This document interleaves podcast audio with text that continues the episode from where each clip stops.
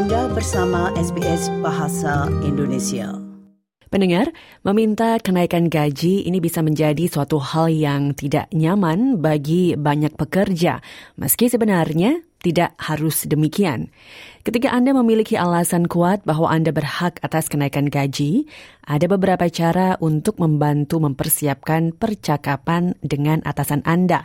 Terlepas apakah Anda melakukannya secara kolektif bersama dengan rekan kerja atau secara individual. Di Australia, tergantung pada tempat kerja Anda, menerima kenaikan gaji bisa jadi merupakan hak hukum Anda. Berikut ini rangkuman khusus Settlement Guide yang disusun oleh Zoe Thomaidu.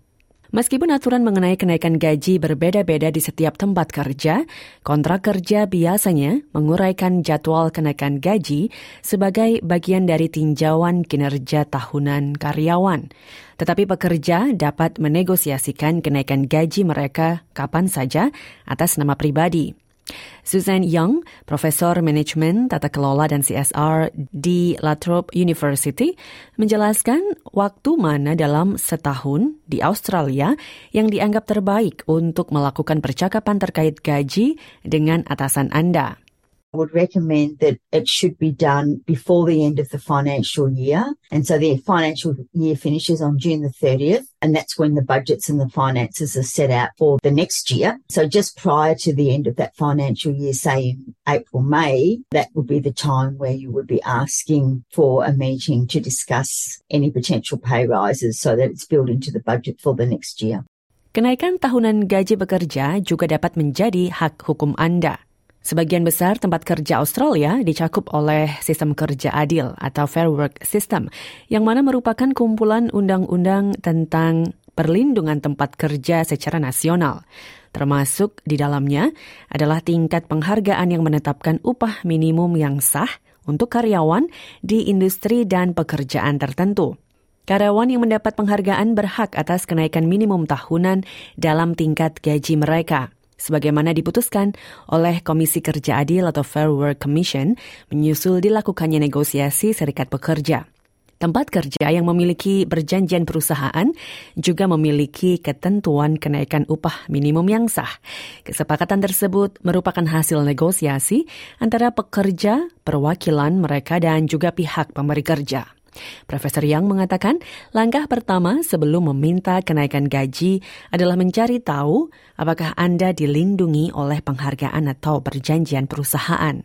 Dan tidak ada yang menghentikan Anda untuk menegosiasikan kenaikan gaji di luar upah minimum yang menjadi hak Anda secara hukum.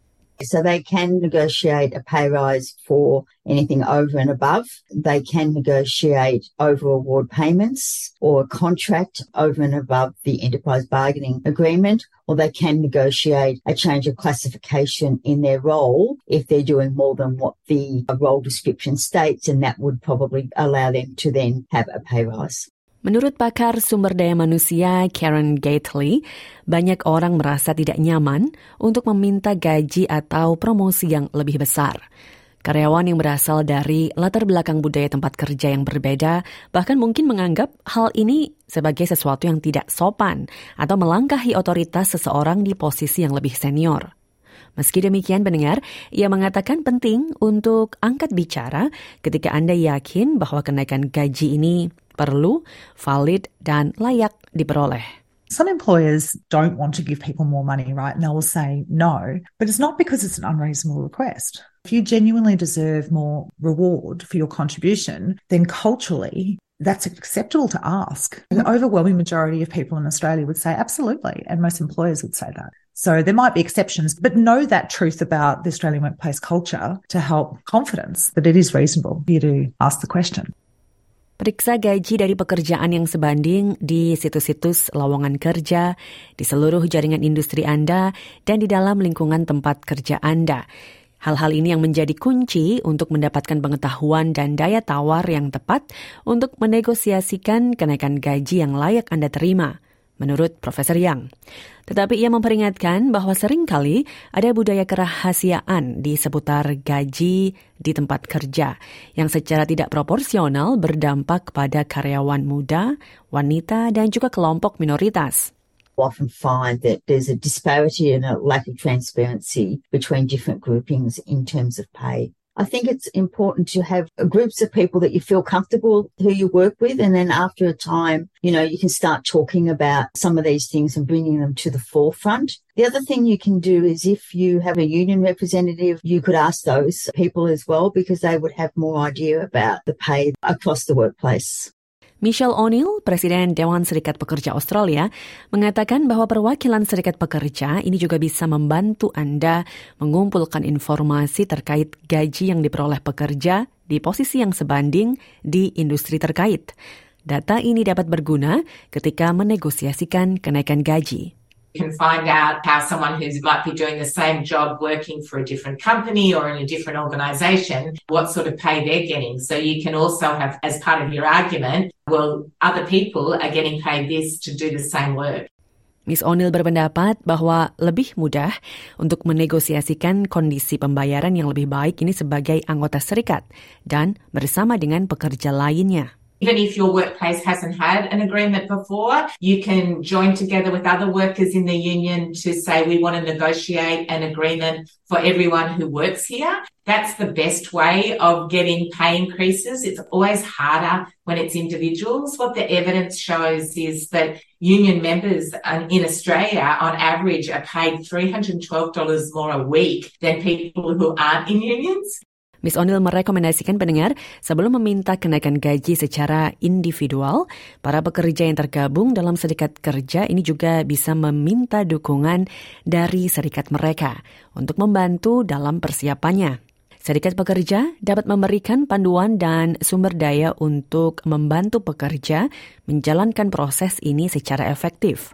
I think it's always important to be well prepared, and that's what a union can help you with. So, thinking about what the arguments are and the sort of examples of that is when was the last time you got a pay increase, how your job might have changed. So, if you've got more responsibilities, you're working different hours, your work has become more intense, you've learned new skills.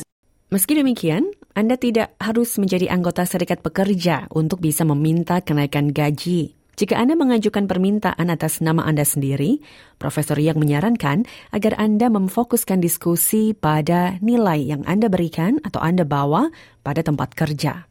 But I'd be really focusing the argument around what you've achieved in your job, to looking at sort of evidence that you have. And so can you demonstrate, for example, a greater rates of efficiency or can you demonstrate that you've brought in certain amounts of money or certain new clients or you've changed work processes to bring about increased efficiency or effectiveness? Menurut pakar SDM Karen Gately, cara Anda meminta kenaikan gaji dapat bervariasi tergantung pada organisasi tempat Anda bekerja dan orang yang akan Anda ajak bicara. Tetapi ia mengatakan tidak perlu terlalu memikirkan situasi ini secara berlebihan. It's always a one to one conversation. And again, it'll depend on the availability of these people that we're talking about. So if you're direct report manager, what's their type of job? You know, if they're sitting in their office routinely, then you might be able to knock on the door and ask whether or not now is a convenient time to have a conversation with them. In other settings, it will be more appropriate to ask to make an appointment to talk to them. And, you know, I think not making it a problematic event in your own mind will really help. Profesor Yang juga mengatakan penting untuk menjaga sikap profesional saat mengajukan permintaan kenaikan gaji. You're actually asking for a pay rise, it's really important to not be emotional and to use the evidence to support your request rather than say, well, I've worked hard or it's difficult to live because of the CPI. It's really about making sure you've got that evidence and you're presenting that in a really business-like manner to show them that you're improving and working hard for the organisation.